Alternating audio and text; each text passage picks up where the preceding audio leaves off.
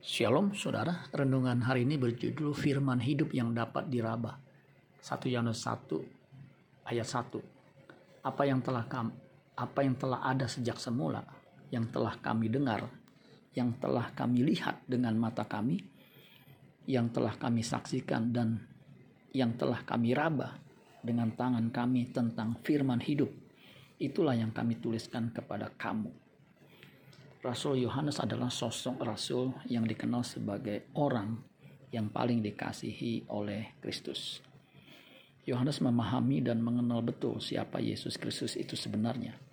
Dialah sang firman yang menjadi manusia yang telah dilihatnya, didengarnya, dan dirabanya secara fisik. Kristus yang adalah Allah yang transenden menjadi Allah yang imanen.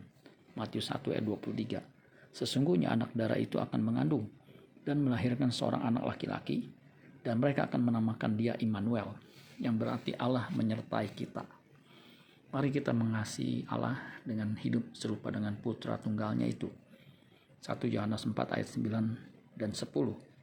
Dalam hal inilah kasih Allah dinyatakan di tengah-tengah kita, yaitu bahwa Allah telah mengutus anaknya yang tunggal ke dalam dunia supaya kita hidup olehnya.